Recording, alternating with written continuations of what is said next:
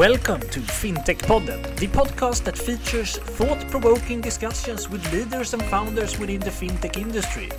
From core banking to Bitcoin, we cover it all. Now, get ready for the next episode. Hi, and very welcome to FinTech Podden. In today's episode, we are joined by a previous guest in FinTech Podden, no one else than Jon Erik Setås from Signicat. Very welcome to FinTech Podden again. Well, thank you. Great to be here and uh, talk to you guys again. Yeah, really nice to have you here. And today we're going to talk about uh, digital identities, uh, frauds. But before we jump into those interesting topics, we have read some news about you in, in the Financial Times. You're, you actually became one of the fastest growing companies in Europe. Is that right? Yeah, absolutely. We're Financial Times every year they, they come out with a list of the fastest 1,000 growing companies in Europe and actually now we're on that list, one of eight companies in in Norway, and we're really proud to to be uh, be recognized. Yeah, congrats! Thank you. Yeah, congratulations, and uh, yeah, you should be proud. Really, really good effort from your side. And um, if we take a look into what has happened since we last talked. I mean, we have had the, the pandemic going on for a year. How has that affected the, the whole landscape of uh, digital identities and, and fraud and so on? Would you like to give some some short recap on that? Yes, of course, it has changed a lot because I mean, we've as, as a company, we provide trust services. We provide uh, services for digital identity, for recognizing people online, for electronic signatures, and we've seen a growth in that and obviously with so many people now having been forced to have home office having been forced to work offline right? Or, or in, in different locations the need for these kind of services have increased. So in, in many cases it's it's not even possible to physically go to a branch or go to a you know store or something. There was a new lockdown in, in norway recently now uh, so which means you need to do more digital, and it's been an increase in that. And of course, that also means that a lot of inexperienced people have come online, which is a challenge uh, regarding fraud, of course. And during this year, you have also released a pretty interesting uh, report uh, called Battle to Onboard. Can we get some highlights from that and maybe dig into some of the findings? Right. So the Battle to Onboard is a report. We've done it four times now. So we released one uh, last year as well. Uh, we're asking consumers about their their habits, their experiences with specifically financial services online. And I mean, one thing we asked, you know, have you abandoned uh, um, an application for a financial service? And guess what? 67% said yes. It's, it's a really high number, meaning a lot of people start uh, application for some financial product and then they decide, no, this takes too long or it's too confusing or I have to provide too much information, etc.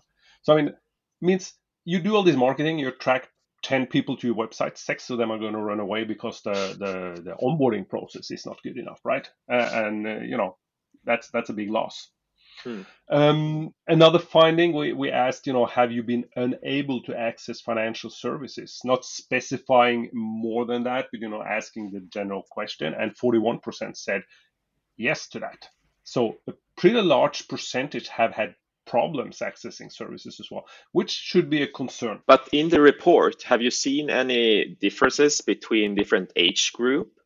I know that you have some Gen Z's facts, but have you seen any like main differences between the different generations when it comes to this type of uh, onboarding flows and so on? Well, absolutely. It seems like older people like myself are more forgiving, if you like. I mean, we have been through a lot and we are more accepting. Uh, we, we've used the term learned helplessness in the report. So maybe we're getting used to, you know, all these crappy interfaces and, and uh, so on and have more patience. While Generation Z, uh, the younger kids, they are not as forgiving. They, they are you know, we, we asked also how was the onboarding process if you went through with it, and a large uh, percentage of the of the kids, I call them kids, uh, said it was painful, you know, and, and that sort of painful uh, uh, ratio goes down with age. So, I mean, it, it, it's important to be aware of if you want to attract a younger audience, they they are more uh, challenging. They are more used to being online. They are more demanding. So that that is definitely a challenge for for any uh, online providers. Hmm. And out of, as you said, it's six out of 10 right now that abandon this type of uh, sign up for uh, financial applications. That, has this been a uh, growing trend? Is it more and more that abandon? And what is the reason behind this? Is it like an overflow of options on the market, or is it just that we as a consumers are more uh, used to good sign-ups flow? So when we meet the bad ones, we give up instantly. Well, it's I think it's complex, and I've been discussing this in, in several fora. And uh, yeah, we did it before uh, the the year before in 2019. Uh, the number was 40%, so it's gone up uh, hmm. a lot. Uh, the year before that, it was uh, higher. I can't remember the 2018 number, but I mean, it's it's never been below 40.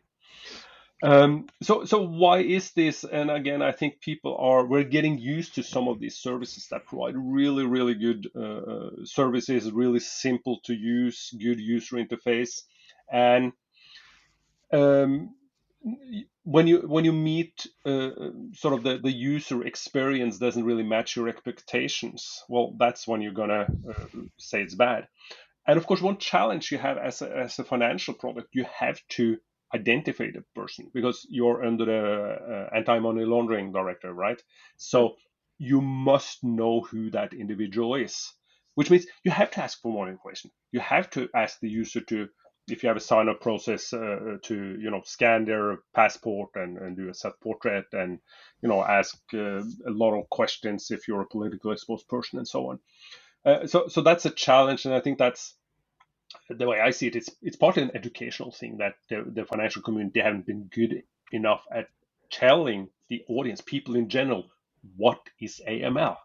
Mm. If hmm. you ask people in general, they would say, you know, AML, oh, it's some some banking thing. It's nothing to do with me. Well, I would say it's everything to do with you because this is what we're doing to fight terrorism. We're fighting mm. slavery. We're fighting trafficking. Don't you want to help fighting that? Right. So mm. it's everything to do with everybody. And if we knew that that was part of the picture, I think people would be more forgiving, at least to that part. Maybe not about the user experience, but at least more understanding to uh, asking for all this information that nobody else asked about. Hmm. Uh, and just to wrap up, maybe the talk about this report, but have you seen any different technologies that are preferred by the end users when it comes to sign up? Do we see, is it the use of uh, e-identities or is it scanning physical passports and so on or can we see any uh, trends or what do people like the most well uh, we don't have any specific numbers on on that what people like and, and don't like. I mean they complain about it takes too long it's too complex. Although if you go to one of the neobanks if you sign up with one of them the the process is actually quite smooth. I mean you start the app on your phone you you take a photo your passport you take a self portrait and you know that's get you started. And i think one thing they're doing really well is that they're not asking necessarily for everything up front. Do as little as possible to to get the user in, have a cap on what they can do, and then you know make the process more gradual than the traditional banks, where the process is very uh, binary, if you like. Uh, either you're a customer or not. There's no sort of uh, uh path to becoming a full customer. Mm. As for different technologies, it really depends on the market. I mean, in the Nordics, we would use the, the EIDs, the bank IDs, uh, which may or may not be uh, sufficient by itself, but it's a good starting point. It gives a, a, good identification. In countries where you don't have that, you would have to do this uh, uh identity paper picture or even do a, a, video interview either with a bot or hmm. with a person. So it, it really depends on where you are do you have any other like takeaways from from the whole COVID-19 situation and and where we're heading uh, now? Do you see any trends that have started, uh, except for the ones that we have been into, that that you believe will continue to grow even after COVID? Well, one thing I, I, think I briefly mentioned was fraud. I mean, fraud has increased a lot. I mean, imagine sitting on the other side. Imagine your business is fraud, and hmm. we need to remember that the fraudsters is not you know kids uh, with big glasses in their basements these are professional organizations right and they are like everybody looking for business opportunities right so if you're sitting on that side and you say oh wow we're pushing all these people with no experience online you know huge opportunity for fraud mm. Um, I've seen different reports on this. Somebody said that uh, impersonation fraud had doubled. Uh, different numbers on on that, but at least it's increased a lot. Uh, and often we talk about impersonation fraud, meaning by some means I'm able to impersonate somebody else. Hmm. Um, like to mention, in, in Norway we have something we call the Olga fraud. Have you heard about the Olga fraud? No. no? Olga is is a, a, female name which was uh, very common about 70 years ago, and so this fraud is targeting women in that age group or older. Hmm. And I mean, there are several schemes, but I mean, one thing you would do, you would call, I mean, you would target, find out stuff about them. You would give them a phone call uh, and say, you know, okay, your your consumer finance uh, application has been approved, and uh, you know, you will have it, uh, you know, in a couple of days. Hmm. And the woman said, I haven't applied for anything and the fraudster would say, "Well, I'm sorry, you know, I'll, I'll, you know, connect you to the bank and, and they can cancel it. As, sorry, it's our fault." And then you connect to a different fraudster that pretends to be the bank and say, "Well, okay, I'm, you know, really sorry, but to be able to cancel this, I'd really need your bank ID credentials."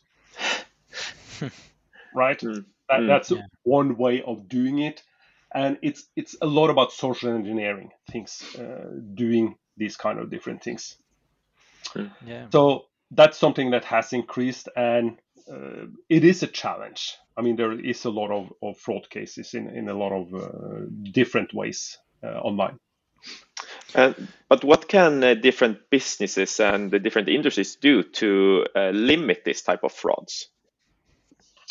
Well, I mean, it's you, you need to. I mean, of course, one is user education, but I mean, my take is: Are we putting already too much uh, responsibility on the users? Can we Really explain this to Olga. I mm. mean, somebody officially calls you and and you know gives you that message. But that's part of it. We need to educate. You know, be aware there are long list, too long list of things you you shouldn't be doing. Um, so that's part of it. But also part of it is monitoring what is going on. Uh, I think a good example of the latter. Um, there was a fraud, uh, and that was a company fraud uh, in uh, in Norway. Where the fraudsters managed to uh, get into uh, email communication, hmm. right, with somebody in the management, and they spent months on this, you know, communicating back and forth. They they were uh, a provider on some some sort of uh, uh, service or hardware. I, I, can't remember the details. Um, and this this providing company was a real company, but the fraudsters were pretending to be this company, and they had this email dialogue going for a long time and then you know they agreed on terms and so and then of course the frauder sends the account number to pay over email as well right? So i mean mistake number one from or you know several but you know depending on only on email is is not really good because it's it's not validated at all. You have no idea who's at the other side. But anyway they went ahead and they uh, initiated the payment uh, for this. And uh, fortunately, in this case, there was some uh, employee because this was a huge number. I mean, uh, hundreds of uh, thousands of euros. Some employee at the bank that had their eyes open and said, you know, what, there's some something fishy here, and, and that individual just, you know, halted that uh, transaction over the weekend to check it, and then, you know, they they started tying up and found out this was fraudulent. So so that was actually a monitoring issue in the bank Hmm. And I, I think, you know, in all this talking, we're going to do everything ourselves and all is going to be automated and all that. Yeah, good, but don't we really want that person to cover our back to see, you know, hey, Jon Erik, are you really sure you want to transfer this amount of money to this company? Mm. That would, you know, uh, be helpful. And, and, it actually worked in, in that specific case. Mm. Hmm. Uh, but another uh, news from Signicat uh, is maybe a new program called Signicat, Signicat Express for startups. Uh, could you please give an, a short introduction to the program and what it offers? Absolutely. So this was something we launched at Stockholm FinTech Week uh, earlier this year. Um, we ourselves, we, we used to be a startup. We were a startup 14 years ago. So we have grown now. We're now we're more than 250 people and growing uh, very fast, as we said initially. Uh, and we, we definitely recognize the need for, you know, to get started, you need this basic infrastructure in place. Mm. So to, to help these startups, we have set up this program which is targeted uh, towards the younger startups. You need to be younger than three years and your revenue needs to be less than 1 uh, million euros. And if you qualify for that, you can apply uh, to get into the program. This will give you six months of free, no uh, uh transaction fee, no subscription fee. Uh, you will connect to all the Nordic EIDs. You can do authentication or signatures. Hmm. And you don't really need to know a lot about identities and that part. You need to know, well, I need to identify somebody, and you use the API towards us to you know either do uh, uh, authentication uh, so the user will use their you know bank id or the nem id in denmark etc to to sign up or to sign a document. So if anybody is interested go to our website look for the the signicat express startup and um, you know get in touch with us. We're more than happy to hmm. discuss this with you and this is for all type of startups, right? That has some type of that wants to identify their end users. It's not only for fintechs and so on.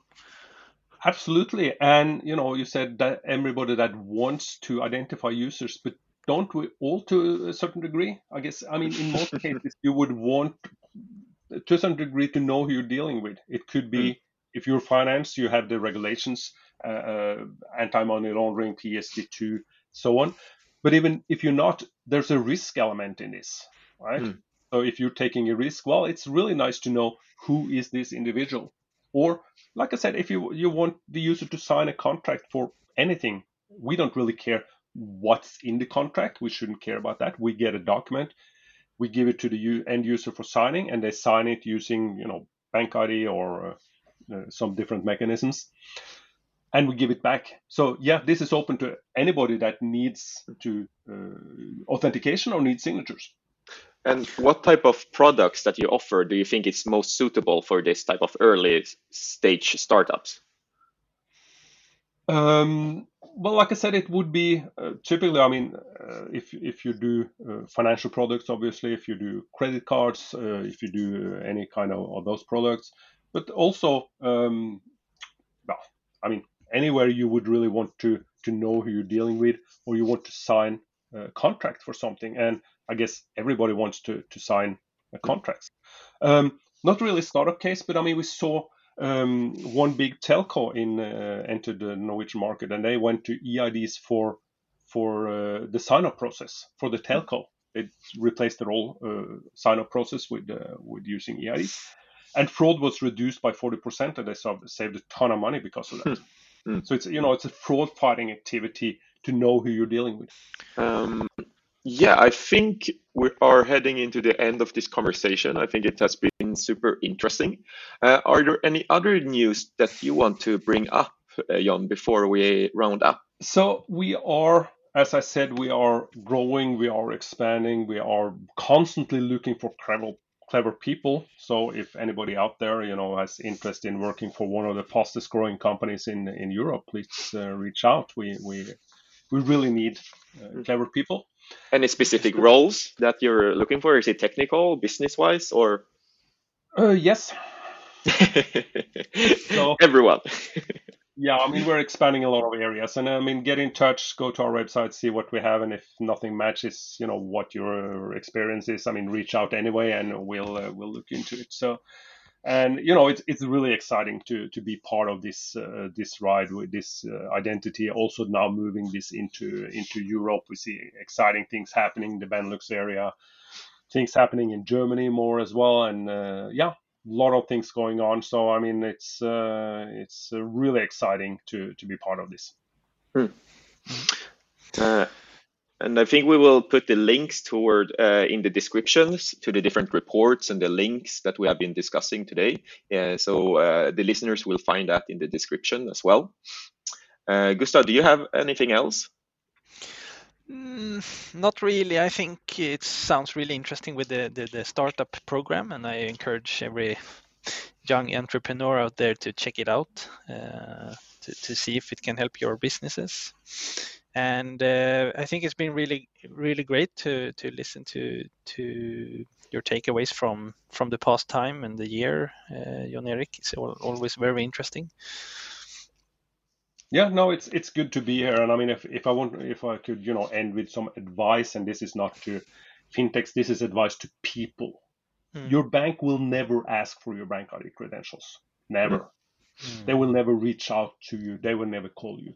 Be suspicious of calls like that. Make sure you have good passwords and don't reuse them. We keep saying that all the time, and don't share the password. People forget that you know you think sharing password is giving somebody access to uh, to you know your paying a bill. Really, sharing your password or credentials is saying, "Hey, you can impersonate Jon Erik now." Hmm. Do, do you really want want somebody else to be able to impersonate you online? Hmm. You can keep that in mind. Don't share your password. Use different passwords, and nobody's ever going to call you and ask for credentials. Hmm. I think that is super good advice, especially in these times, and uh, we will try to highlight those in this episode as well later on. So, mm. thank you so much, Erik, for those. Or Jon, yep. sorry. no worries. Yeah, thank you so much, and um, we wish you um, continued good journey on your your way to becoming the the number one on the fastest growing list. well, I'm not not sure if, if that's necessarily the goal, but it's interesting to, to have that growth and being recognized. and uh, so so yeah, well, thank you so much, and and thanks for having me on here. It's always a pleasure talking with you guys. Yeah, you too. Bye bye. All bye. Bye bye. And that was it for today's episode. We hope that you liked it. Both I and Johan are very happy and thankful that you're listening to us. And if you like what we do here, please go into iTunes or whatever platform you're listening from and leave a review or a rate. We would appreciate that a lot. We will soon be back with another episode, and until then, have a good time.